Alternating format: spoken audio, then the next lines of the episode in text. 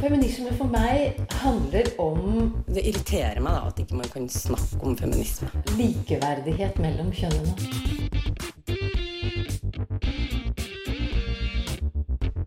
Det blikket på kvinnen på film. handlet det om å bli tatt på alvor som jente. Du hører på Et eget rom på Radio Nova. Det stereotype bildet er at kvinner selger sex, og at mannen kjøper.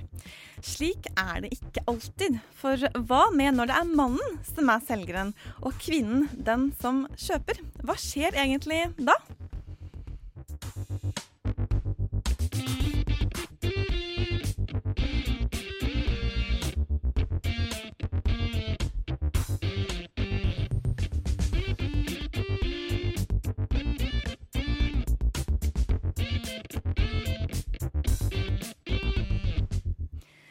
Klokken er ti, og du hører nå på Radio Novas lille feministiske program. Ja. Vi er tilbake som alltid, og denne gangen så er det altså kvinner som kjøper sex det handler om. Eh, og de som skal snakke om det her, det er deg, Sofia Fischer, og meg selv, Linda Therese Rosenberg. Det er det. Hallo deg. Hei. Og du, jeg eh, Det er sånn tøft tema. Det er det. Det er noe man kanskje ikke helt tenker på og vet kanskje veldig lite av. Ja. Det Og så bryter det med noen sånne mm, Noen bilder. Ja, tenker man har kring å kjøpe sex og sånt. Og så når noen sier 'ja, kvinner som kjøper sex', så er det litt sånn Hæ? Veldig ofte så kommer den derre sexkjøploven. Den diskuterer man jo stadig. Ja. Og man kan være uenig eller enig i den loven. Men, men da snakker man jo om kvinnen som den prostituerte. ja, at kvinnen som offer Ja. er kvinner som trenger hjelp. Og det, og det er jo absolutt en, en veldig viktig debatt å ha. Men det kanskje blir sånn at man glemmer bort eh, At det ikke bare er kvinner. ja, at det fins menn som er utsatte også, som, eh, som trenger hjelp. Og da er jo liksom spørsmålet For man har jo eh, noen bilder av hvordan en mannlig sexkjøper er. Ja. Og så har man kanskje fått litt utvidet perspektiv forhåpentligvis de siste årene og forstått at det er litt, litt mer komplekst bilde. Det er det. Men hvem er disse kvinnene? Det som, skjønner jeg ja, som kjøper sex. Ja. Ja, det Jeg er helt i sjokk når jeg begynte å lese om dette. Alle disse kvinner som, som faktisk kjøper. Vi skal ha en litt sånn todelt sending, og vi starter med sexturisme. Og, eh, for man snakker gjerne om forskning og kalde fakta. Mens det er en østerriksk regissør, Ulrik Seidel, som har laget en film om det her, hvor han tematiserer sexturisme i Kenya. Og Eline Hysa hun har sett filmen og gjort seg noen tanker om eh, den. Vil dere være med og se på en film? spurte jeg i kollektivet, litt utpå fredagskvelden. Paradise Love heter den. Den første filmen i Paradis-triologien til den østerrikske filmregissøren Ulrich Seidel. De ble med, men mot filmens avslutning så var det jeg som måtte trykke på pause og innrømme at jeg faktisk ikke orka mer. Are you coming from? Austria. Austria. Oh, welcome to Kenya. I filmens åpning så treffer vi en middelaldrende hvit kvinne fra Østerrike som sier ha det bra til tenåringsdattera si før hun reiser av gårde til Kenya. I følge med en hel rekke andre turister fra samme europeiske strøk så sjekker hun inn på et feriehotell der dagene består av sol, lett underholdning, bading og Beach Boys.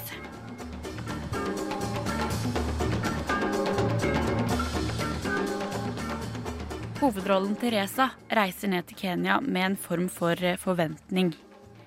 Hun har lav, lav selvtillit og vil mest av alt at noen skal se henne inn i øynene og se henne på ekte.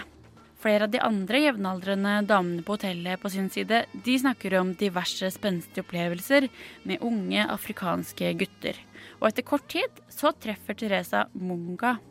Etter dans, palmevin og weed så har de sex.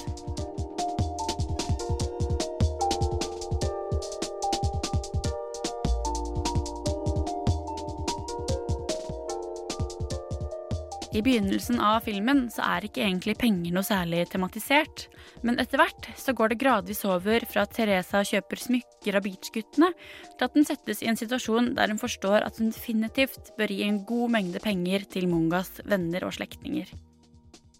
Enda mer eksplisitt blir det i en av filmens avsluttende scener, der de fire europeiske venninnene leier inn en stripper som de åpenbart betaler for, for så å konkurrere om hvem som klarer å få han hard først.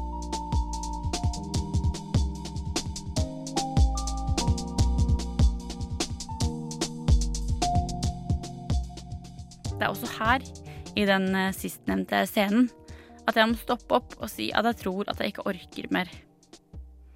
Objektiviseringa og det rasistiske ligger så åpenlyst for dagen i sexleken med den mannlige stripperen. Det kroppslige og vulgære ved damene som skeier ut på ferie og kan gjøre alt det de aldri ville gjort hjemme, vises i filmens eksplisitte stil.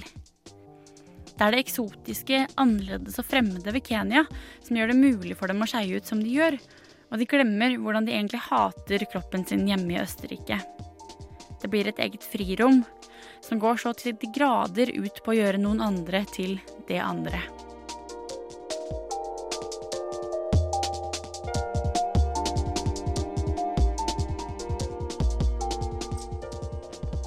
Etter å ha trykka på pause for å se an hvor lenge det var igjen av filmen, så så vi resten. Og heldigvis så klarer siste scene å snu litt om på hvem som kontrollerer hva. Allikevel så setter Paradise Love seg i halsen og magemuskler, og den slipper liksom ikke taket på en stund. Det er en spillefilm og ikke en dokumentar, og kanskje er det også derfor man klarer å komme over det utrolig triste blottet. Det er egentlig bare å krysse fingrene og håpe at det ikke er sånn på ekte.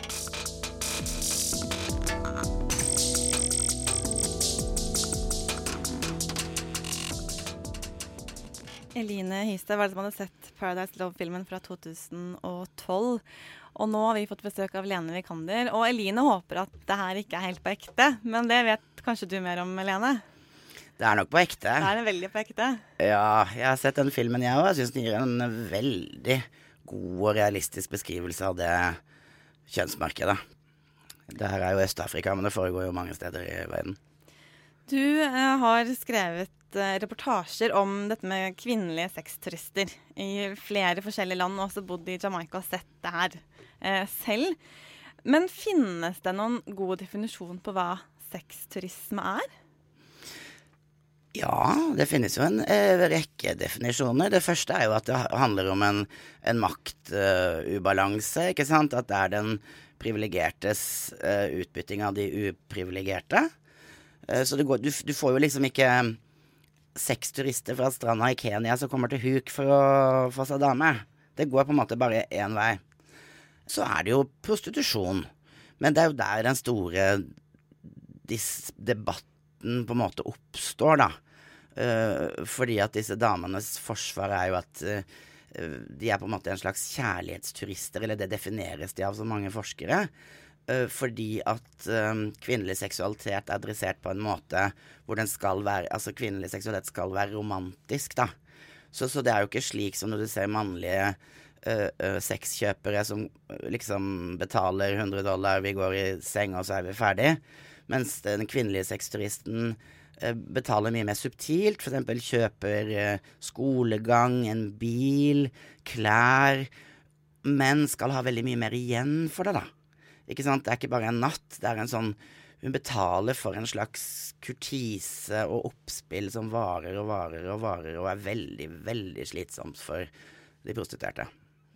Men når man snakker om at det skal være en romanse, det er en romantisk ferieflørt, så er man jo egentlig med på å gjøre det litt sånn ufarlig. Selvfølgelig, for ingen har jo veldig lyst til å si at jeg går, driver og utnytter uh, fattige analfabeter og 16-åringer for å få livskvalitet og omsorg. Men, men skaper de denne illusjonen selv også? At nei, men jeg er jo ikke horekunde, jeg er bare ute på en ferieflørt, disse kvinnene? Helt klart, og de ser det veldig, veldig få av dem ser på seg selv som sexkjøpere. De ser på seg selv ofte som noen som hjelper. Altså Hvis ikke det hadde vært for meg, hvordan skulle da barna hans kommet på skolen? Hvordan skulle han fått seg nye klær? Han tjener jo mer på det enn meg, osv., osv. Det er en sånn rasjonalisering som du ser mange varianter av med mannlige sexkunder også. Stemmer mange sånne bortforklaringer. Ja. Det er, sånn, det er en vinn-vinn-situasjon i disse kvinnenes øyne. Ja. Det er slik de liker å fremstille det. Det er klart ingen vil se på seg selv som en utbytter. Men de må jo være veldig klar over at det ikke egentlig er sånn. Det er de nok. Og jeg har jo intervjua mange av de, og veldig få vil jo stå frem, selv om de liksom kommer fra England og jeg skriver for et norsk magasin osv. For det er så eh, stigma knytta til det. Så det er jo klart at hadde de virkelig ment eh, innerst inne at det var slik det var, så hadde det jo vært lettere for dem å stå frem. Og så det sagt, så er det jo ikke slik at det ikke er unntak som bekrefter regelen, og at, at det er kan oppstå følelser osv. Men i en så skeiv dynamikk, maktbalansemessig, så er det nesten ikke mulig å oppnå noen form for jevnbyrdighet. Uh, slik som jeg oppfatter gjensidig kjærlighet sånn ellers i, i verden. Og derfor så Ja, det er rett og slett et spørsmål om den som har, og den som ikke har. Du som har vært en del rundt og sett, hvilke land er det kvinnelig sexturisme er blitt så vanlig, eller mest vanlig? Det er jo det vi kaller tredje verden, først og fremst, selvfølgelig. Nettopp pga. dette med Det er jo ingen som, som uh, gjør dette sånn frivillig fordi at dette er kjempegøy. Man ynder jo å fremstille Det er jo en veldig sånn rasistisk industri også, fordi at dette det, La oss ta Øst-Afrika, Jamaica, som jeg kjenner, det er svarte menn. Det henger jo igjen helt fra slavetiden, hvor, hvor, hvor den svarte mannen ble sett på som buskap at, og det henger igjen i vår kultur i dag, det er myter om at han er så mye mer velutstyrt. Han er så utrolig med, med dyrisk seksuell. Eh, de har et helt annet behov. De liker feite damer. ikke sant? Det er mange veldig rasistiske myter rundt den svarte mannens seksualitet. Så de rendyrker på, ja. på, en måte disse stereotypiene i dag? Selvfølgelig. Men det er det som også gjør at de syns at det er mer OK, fordi at de tror at det her er det mannen vil. Og... Nemlig. For, fordi at den, den svarte mannen er på en måte dehumanisert til en viss grad, ikke sant, og mm. redusert da til uh, avlshingst, en slags sånn offer for sine egne dyriske drifter og sin enorme ereksjon. Mm. Og det er jo helt sjukt. Men er det blitt flere kvinner de siste årene som drar sørover helt med det her som formål? Helt klart. Vi hadde jo kvinnelig sexturisme helt tilbake på 1800-tallet. Men da var det jo bare for overklassen, nettopp fordi at øh, fattige mennesker eller middelklasse og arbeiderklasse kunne ikke reise på den måten. Nå, med charterturismens eksplosjon, så har jo dette eksplodert til parallelt. Så det er kjempevanlig. Jeg, jeg syns det er litt overraskende. Men det er mulig at jeg lever i min lille naive boble. Lever her i Norge og ser ingenting sånt i det hele tatt. Nei. Men er det sånn når du har bodd der nede, at du har sett skandinaviske, treffet på skandinaviske ja, kvinner? Ja, ja, som... masse, masse, masse. Altså, jeg bodde jo på Jamaica i fem år, og det var jo da jeg liksom virkelig fikk innsikt i dette. Fordi at du så det hver dag. Du bodde jo der. Flere av de jeg kjente, uh, var sånn deltidsprostituerte, uh, ikke sant? Mm. Med kone og barn og, og alt. Men dette var et helt must for å få inntekt til familien. Så det var menn som hadde, var gifte og alt sammen? Mm. Og bare og da hadde jeg jo en unik mulighet til å sitte og Dette var jo folk jeg kjente. Jeg bodde jo liksom i miljøet og kunne mm. sitte og snakke med dem. Og fikk en helt unik innsikt i liksom dynamikken også fra den sida, da. Ah, oh, ja. Men så har jeg jo senere um, år også gjort store reportasjer, som for eksempel i Kenya nå sist. Og der er det jo Og i Gambia. Mm. Og der er det jo veldig mye skandinaver, spesielt i Gambia. Det er sant. Vi skal snakke enda mer med deg om det her, eh, Lene. Men eh, vi skal ha en liten sånn eh, musikkpause først. Og du som hører på, du skal få høre Kristoffer Eikrem og Yogi Stovell med Here and Now. Radio Nova. Here and Now hører du her. Du hører på et eget rom på Radio Nova som snakker akkurat for øyeblikket om kvinnelig sexturisme. Ja, det gjør vi. Med Lene Vikander. Og jeg lurer litt på hvordan For når man tenker på prostitusjon, så tenker man liksom på en dame på gaten, og så kommer det en mann, og så setter hun seg inn i en bil. Men det er jo ikke sånn det foregår i, i disse tredje landene. Nei, det er jo sånn nærmest sånn, Det ligner jo veldig på kurtise. Ikke sant? Det, det, begynner i solnedgangen, gutta går ned på stranda, og det er tøy og bøy og ballspill og stå på hender og vise alle sine attributter, og damene ligger liksom på solsengen, og det oppnås kontakt. Og, og, så er jo disse gutta også øh, proffe. Altså, det er jo jobben deres å hanke inn sånne damer, for da men, men, det som jeg har hørt mange av de gutta si, det er at det er veldig krevende. For de har jo også venninner som prostituerer seg ikke sant, overfor menn. Uh, og de misunner de venninnene ofte som bare liksom kan selge seg for en natt eller for noen timer. Men, mens gutta liksom må illudere kjæreste og romantikk. Og dette strekker seg over hele ferieperioden hvor kvinnene er der, og gjerne gjentas når hun kommer ned igjen. Ikke sant? Så de har hele tiden noen sånne analyser, da. Så mange av disse kvinnene har samme som de kommer tilbake til om og om igjen? Ja, en periode, og så bytter de gjerne ut, fordi at det skjærer seg jo ofte etter hvert. Og så finner de en ny, og Men mange har de over flere år. Jeg husker jo spesielt en gang på Jamaica.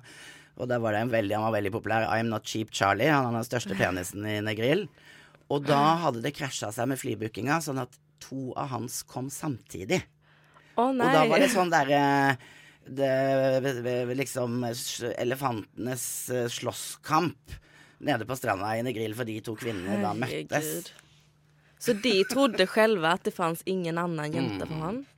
Ja, om de trodde Eller at de bare- det egentlig men, men de skulle i hvert fall ha han for seg selv. Okay. Men da må de jo sende, Tar de kontakt på forhånd, da?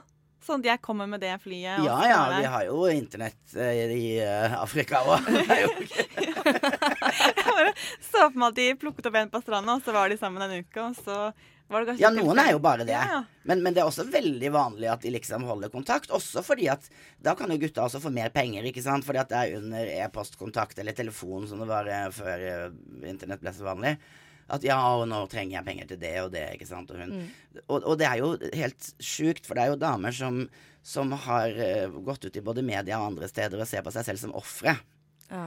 At de er lurt fordi at de har betalt ut da til disse gutta gjennom flere år. Og da kjenner jeg at jeg blir ordentlig opprørt. Mm. Eh, Og de skal til og med ha gjelds...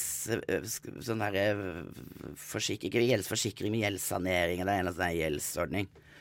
Og jeg bare Seriøst? Du er liksom 50 år. Du har tilgang til gratis skolegang. Dette her eh, Såpass må du bare skjønne. Og de vet hva de driver med når de reiser ned dit, ikke sant? Selvfølgelig. Men de vil jo Og det er noe med at, at selvbedraget er også viktig for å kunne gjøre det du gjør. Og, og, og jeg opplever at mange av de også virkelig nesten tror at dette er kjærlighet. Mm. Fordi at det er det de må tro, det er det de vil tro, det er jo det de lengter etter. Eh, De, de kjøper seg på en måte omsorg, da. Så det her mennene må jobbe på et helt annen måte enn hva kvinnene jobber.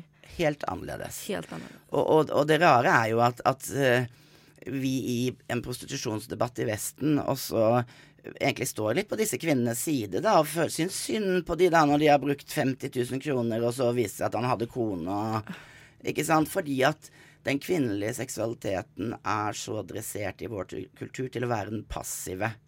Ikke sant? Og da må det være mannen som lurer henne. Ikke sant? Det kan ikke være omvendt, for det er ikke sånn vi, vi ser kjønn, da. Men eh, det her vet jeg du er veldig opptatt av, Helene. Mm. Dette med denne kulturen som vi har eh, skapt oss om, eh, om kvinner. Det er vel også en, mye av forklaring på hvorfor denne romansen og illusjonene er så veldig viktige for disse kvinnene. De er helt essensielle. Du vil jo også finne ut unntak der hvor noen som har vært lenge i gamet og bare det er bam, thank you man, liksom. Men, men den absolutte majoriteten er veldig på å kjøpe det. Ikke sant. Ta de med på restaurant, og, og det er så kleint for dem ofte, ikke sant. Fordi at disse restaurantene er sånn turistrestauranter. Uh, som de aldri ville gått på eller hatt råd til å gå på, eller er interessert i å gå på for den saks skyld. Men du, du er så synlig, ikke sant. Der jobber jo fetteren til broren til bestemora di, og, ikke sant. Og de er jo, det er veldig klasseskille der, fordi at de som da har en sånn god jobb, som å være servitør på et av de turiststedene, vil jo se voldsomt ned på han som Ja. kommer inn, ikke sant. Og, og de er jo veldig, veldig ofte analfabeter med liten eller ingen mulighet til å få noen form for lønna arbeid av en viss uh, status eller uh, pengeverdi, da. Mm. Så de er veldig satt ut, disse mennene, og Ja. det er liksom det de må gjøre for å tjene penger på noe sett. Og ja. Men de spiller jo også på mytene. Ikke sant, disse rasistiske mytene, disse her eh, What happens in Jamaica stays in Jamaica, og bla, bla, bla. Ikke sant. Alle er jo med å bygge opp Ja. illusjonen for å få penger til å flyte her. ja. Men det, jeg syns det er veldig interessant dette med at uh, denne romansen At den bare kan vare og vare og vare. For hvis du kommer tilbake til samme mann år etter år etter år, og du har kontakt i mellomtiden Da er det jo en enorm energi man legger i det her Ja. for å vedlikeholde denne illusjonen. Men gutta er dritrutinerte. Jeg kjenner jo flere som liksom turnerer nesten 30 damer. Samtidig, nesten. Ja, ikke nesten, bare nesten. Samtidig. samtidig. Ja. Og det er jo varierende grad. Noen detter jo fra, ikke sant. Og det er ferien, det var gøy. Og for noen her blir det kanskje med denne ene gangen. Men, men eh, de som virkelig liksom er eh, melkekua, det, altså den ideelle kunden, da, er jo hun som for det første kommer tilbake igjen og igjen, og som du også får uh, knytta disse romantiske bånd eh, Jeg sier dette i, i gåsetegn som dere ikke ser på radio, men de er her. Uh, sånn at du ofte også kan få et green card eller uh, oppholdstillatelse i et eller annet annet land. Og det handler jo om å en desperasjon til å komme seg ut av fattigdommen og, og få seg et liv. Ja. Alle har jo vi mennesker har ambisjoner og drømmer og, og ønsker en bedre fremtid for oss selv og våre barn. Og, og det er jo det det i bunn og grunn handler om, bare at de kommer fra et utgangspunkt som er så utrolig mye dårligere. da. Uh, Så de har ikke de, så mange valgmuligheter som Så det er jo en form for opportunisme, Ja, ja, ja. ikke sant? Veldig interessant å høre på alle disse Ja. Det er- det høres ut som en utrolig betent debatt. Det er en veldig betent debatt. men Vi burde diskutere det mye mer. Fordi at det er opplest og vedtatt at liksom eh, menn kjøper sex, og, og noe det er greit eller det er ugreit osv. Men dette med kvinnelige sexkjøpere i tredje verden er altfor lite diskutert. Og når det blir diskutert, så er det gjerne i en sånn sexy setting, da. Og, og litt sånn fnis. Ja, eller det at folk ikke helt vet hvilken sida man skal stå på. Når vi handler om den mannlige debatten så vet vi hvilken sida vi ska Ja. stå på. Vi skal stå på kvinnens sida, det er henne, hun som er offer. Ja. Men her blir det litt sånn ja vi vet ikke riktig hva vi skal stå. Ja, han er lite offer, hun er lite offer. Det er litt Och det er sånn, sån, sån det er. det blir litt flytende på noe sett. Sånn er det jo også med menn som kjøper sex i den industrien. Den er altfor unyansert, Ja. den måten vi ser det på. Derfor syns jeg det med kvinnelige sexkjøpere er en veldig viktig og interessant debatt å ta. Fordi at den åpner så veldig mange rom i kjønnsdebatten. Absolutt. Hvordan vi leser kjønn, hvordan forholder vi oss til kjønn. Og det er, dritinteressant. dritinteressant. Vi har dessverre ikke tid til å snakke mer om det her, men det har vært utrolig lærerikt, eh, Lene Vikander, å ha deg her på besøk. Så tusen takk for det. Eh, vi skal snakke litt mer om kvinner som kjøper sex i Europa, Sofie og jeg, ganske snart. Men her får du Blood First Family. feminist, a person who believes in the social, political, and economic equality of the sexes. Et Eget rom. Et eget rom. Et Eget rom. Et eget rom. Et eget rom. Klokken er blitt halv elleve, og det er Sofia og Linda her i et eget rom som Det er snakker det. om kvinner som kjøper sex. Og for to Nei, nå var jeg 2017. For to og et halvt år siden så stilte den britiske journalisten Clarissa Seabag Montefiore Hun er sikkert noe italiensk i blodet sitt. Ja. Hun stilte spørsmålet er det voksne markedet for mannlige eskortetjenester et tegn på kvinners seksuelle frigjøring, eller en gjentagelse av de samme gamle stereotypiene? Og det er jo litt interessant. Det er veldig interessant. For det er kanskje litt fristende å ta den veldig lette løsningen og si at du, det her er frigjøring. Ja. Men det er kanskje ikke sånn det er likevel. Nei, kanskje ikke det. Og jeg tror ikke det i alle fall. Nei. Og, og det hun tenker på, og det er det som Lene Vikander, som vi nettopp hadde i studio, har snakket også om, det er denne romanseillusjonen. Ja. Om at menn de kan gjøre det litt sånn spontant, Mm. og det går fort. Mens når kvinner skal ha eskortetjeneste fra en mann, så skal de ha denne kjærestepakka. Ja. ja, det er vel litt det at kjøpe seg en kjæreste, nesten. Ja. Istället för bara att kjøpe seg sex så er det liksom kjøpe seg et, litt av et forholdende. Även om det ikke varer altfor lenge, så er det, jo litt av et forholdende. Liksom illusion av at en annen menneske på noe sett bryr seg om dig. Eh, og hun, eh, journalisten hun har snakket med mm, de som driver et eskortebyrå i Australia. Og, og de mener at det, det er ikke så veldig vanlig, selv om det skjer, at menn booker for mer enn en time.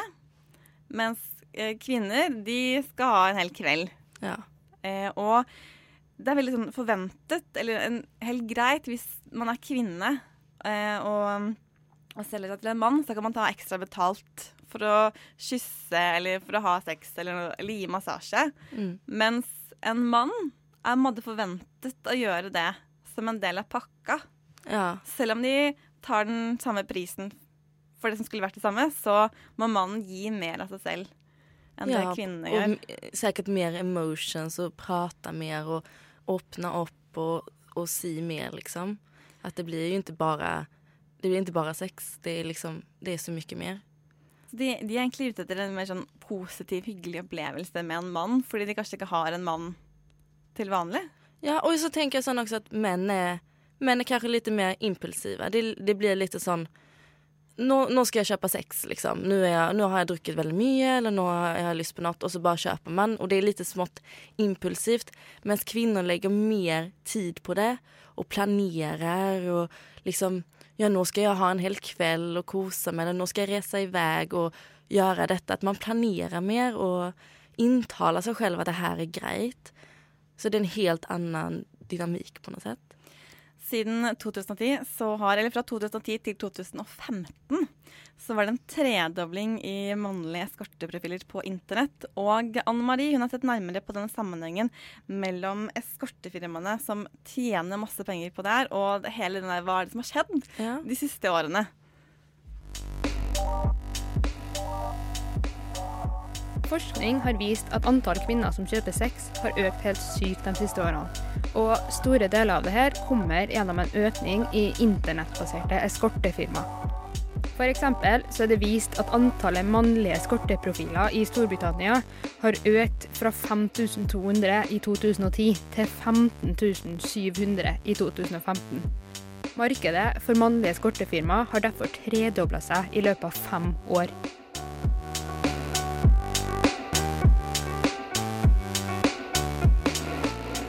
Det er altså vist at antallet kvinner som kjøper sex, har økt. Men hvorfor er det sånn? Mange peker på den generelle endringa i samfunnet, hvor eh, kvinner i dag har flere muligheter til å uttrykke sin seksualitet uten at man nødvendigvis blir sett ned på for det. Dr. Zana Vrangalova er en sexforsker og forfatteren bak nettsida som heter The Casual Sex Project, og hun har uttalt As our society becomes more comfortable with sexual expression in general, and non traditional expressions of sexuality in particular, and as more and more women become independently financial affluent, we should expect to see more of them buying high quality casual sex and boyfriend experiences. Det er kanskje det her som er forklaringa på økninga i antall sexkjøp gjort av kvinner. Kanskje kvinner i dag føler at dørene er åpne, at de har samme mulighetene som menn, fordi terskelen kanskje er lavere for å uttrykke sin seksualitet.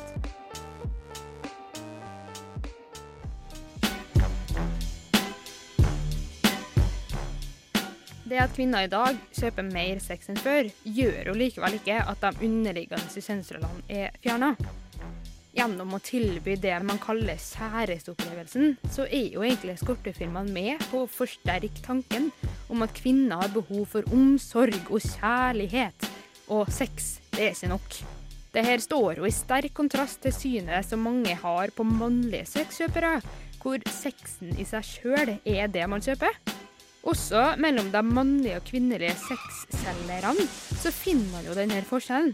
Kvinner blir sett på som et offer som selger kroppen sin fordi hun ikke har noen annen utvei. Mens mannen blir sett på som helten som tør å uttrykke sin seksualitet fordi det er noe han sjøl ønsker. Aphrodisiac er et eskortefirma i Melbourne i Australia. Og de selger eskorter til kvinner som de mener har rett til et spennende, sensuelt liv. Her er 41% av kundene i 30-årene, mens bare 10% er i 20-årene. Selv om flertallet av kundene er single eller skilte kvinner, så er faktisk 18% av dem gift. Firmaet er starta og drevet av to kvinner i 40-årene, og målet deres er å tilby en helhetlig opplevelse som innebærer mer enn bare sex.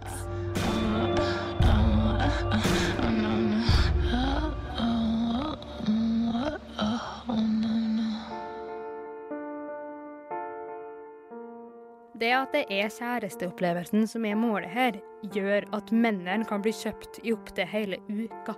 Og aktivitetene de kan være alt fra en følger på den røde løperen til en kjæreste å dra på weekendtur med. Det er jo langt fra gratis, da. Hos Cowboys for Angels, som er et amerikansk firma, kan prisene være mer enn 3000 for en time. Og for ei uke kan prisen raskt komme opp mot 145 000 kroner. Dette betyr at kundene som regel er rike, suksessfulle kvinner som har muligheten til å kjøpe denne opplevelsen de ellers ikke ville ha fått.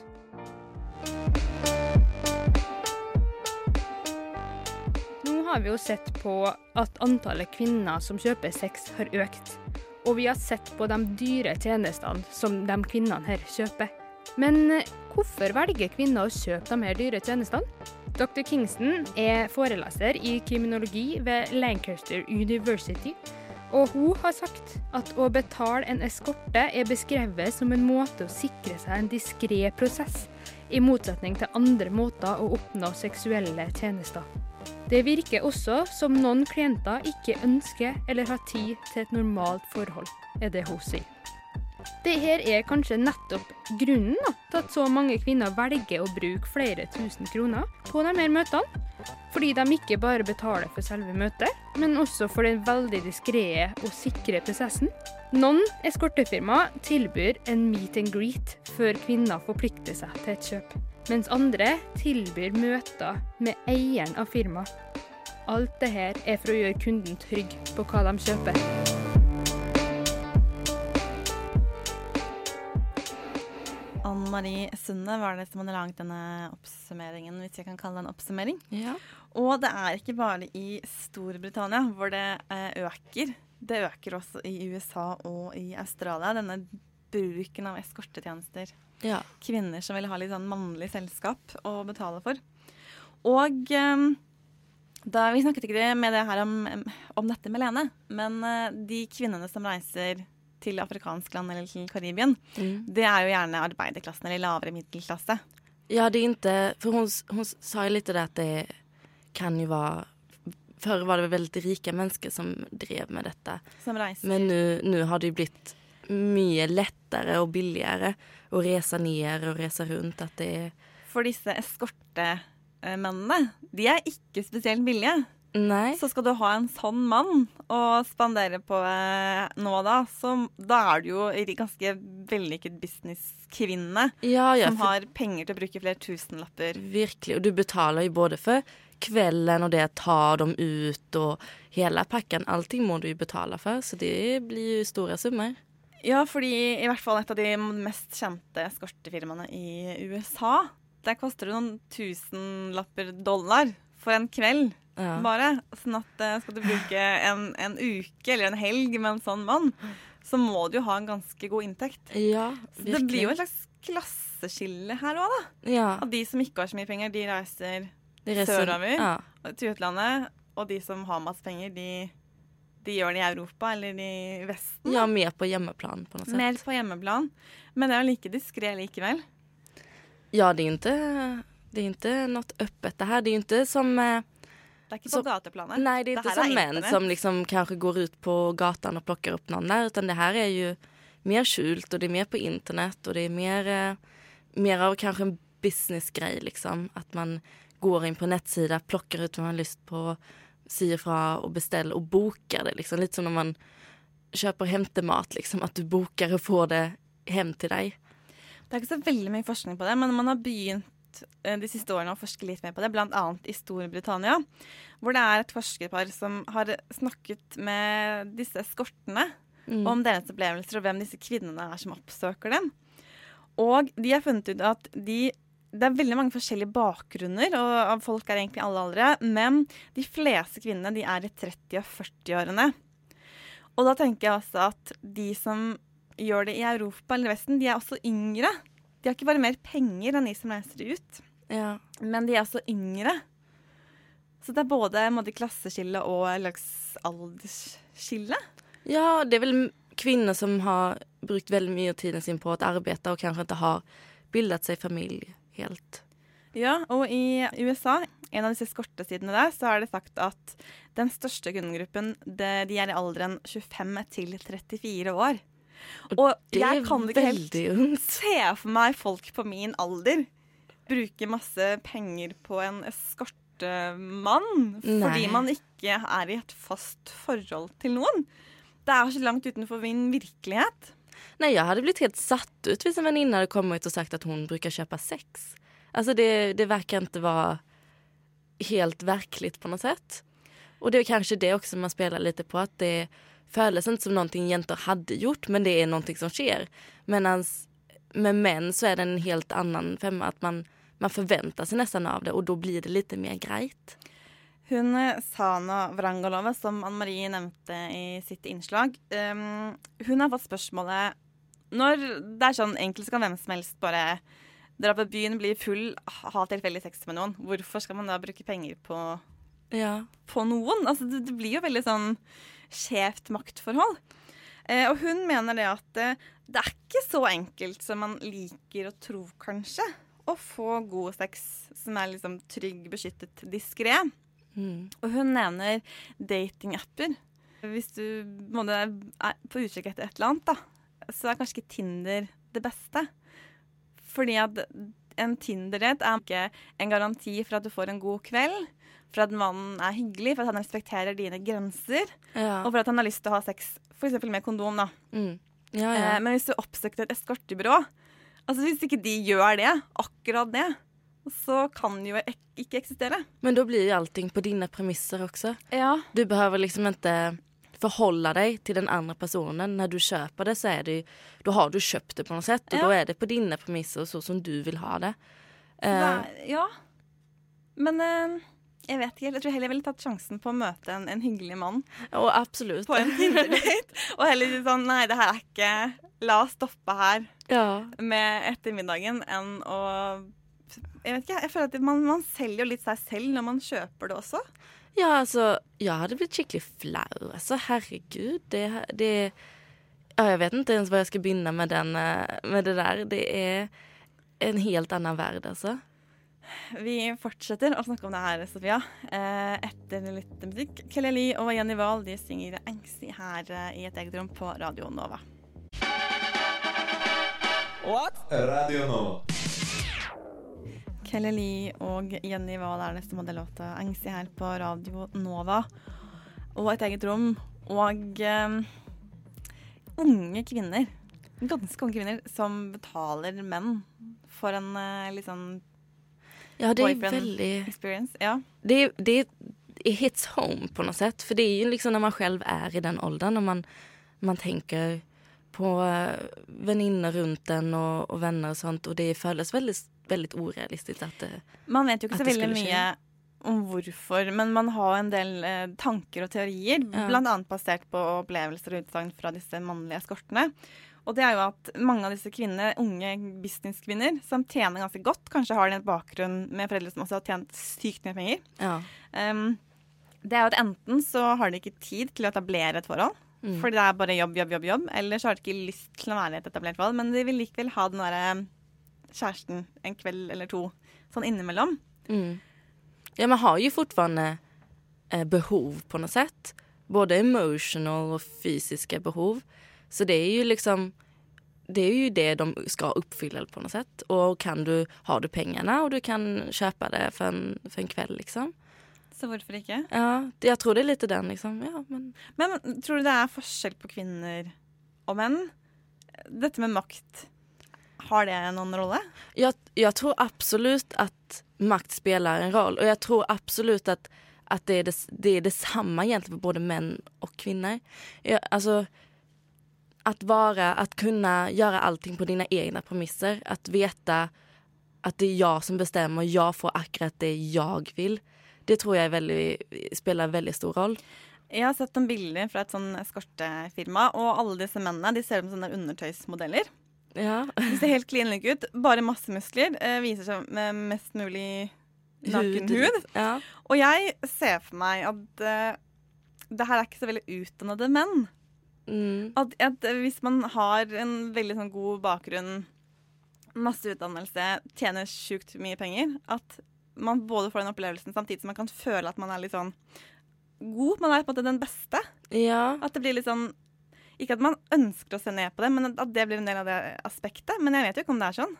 Nei, nei, det, det er jo litt, det är ju lite men det må jo være någonting åt det holdet på noe sett. At man, man føler at man får litt sånn rett til det på noe sett. At man, ja men det her det er jo her, det er jo på internett. Jeg kan jo bare velge og vrake, og jeg har pengene til det. Og jeg har et behov til det, så, så hvorfor ikke? Vi skulle veldig gjerne snakket litt om hvordan det er i Norge. Ja. Men det er innmari vanskelig å finne noen tall. Det eneste det er fra 2012, så er det noen tall fra Danmark hvor de anslo at ca. 1000 danske kvinner reiste til Gambia alene, altså bare Gambia, for å kjøpe sex.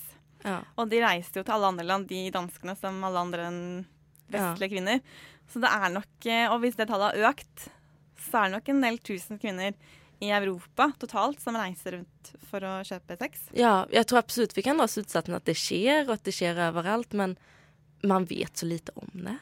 Så var det en artikkel eh, for noen år siden i byavisa Trondheim som skrev at det var flere og flere menn som prostituerte seg. Så det finnes også Ja. i Norge, men det er veldig lite forsket på det. Og det er veldig få sentre. Jeg tror bare Trondheim som har et eget sånn senter for mannlige prostituerte en gang i uka. Eh, og der mener de at eh, det her foregår på puber og på hoteller og på kjøpesentre. Det liksom, det er der det foregår. Og det er særlig når det er store messer i byen hvor det kommer folk fra hele landet til Trondheim. Da er det mest mannlig prostitusjon. Eller Ja. den, den typen som foregår. Og det er egentlig det vi har funnet ut. Ja, ja, ja. Jeg leste en artikkel for Metro i, i Sverige.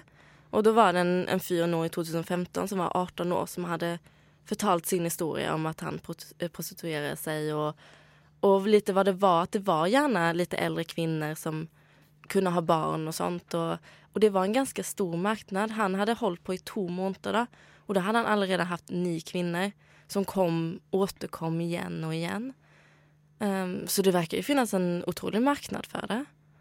Vi må egentlig bare håpe at det blir mer forskning på det. Ja, at, At man, man begynner å prate mer om det. prater mer om. mer om det. Vi nærmer oss en slutt, men før vi når slutten, så får du Hanne Hukkelberg her på Radio Nova, Bendel Riddles.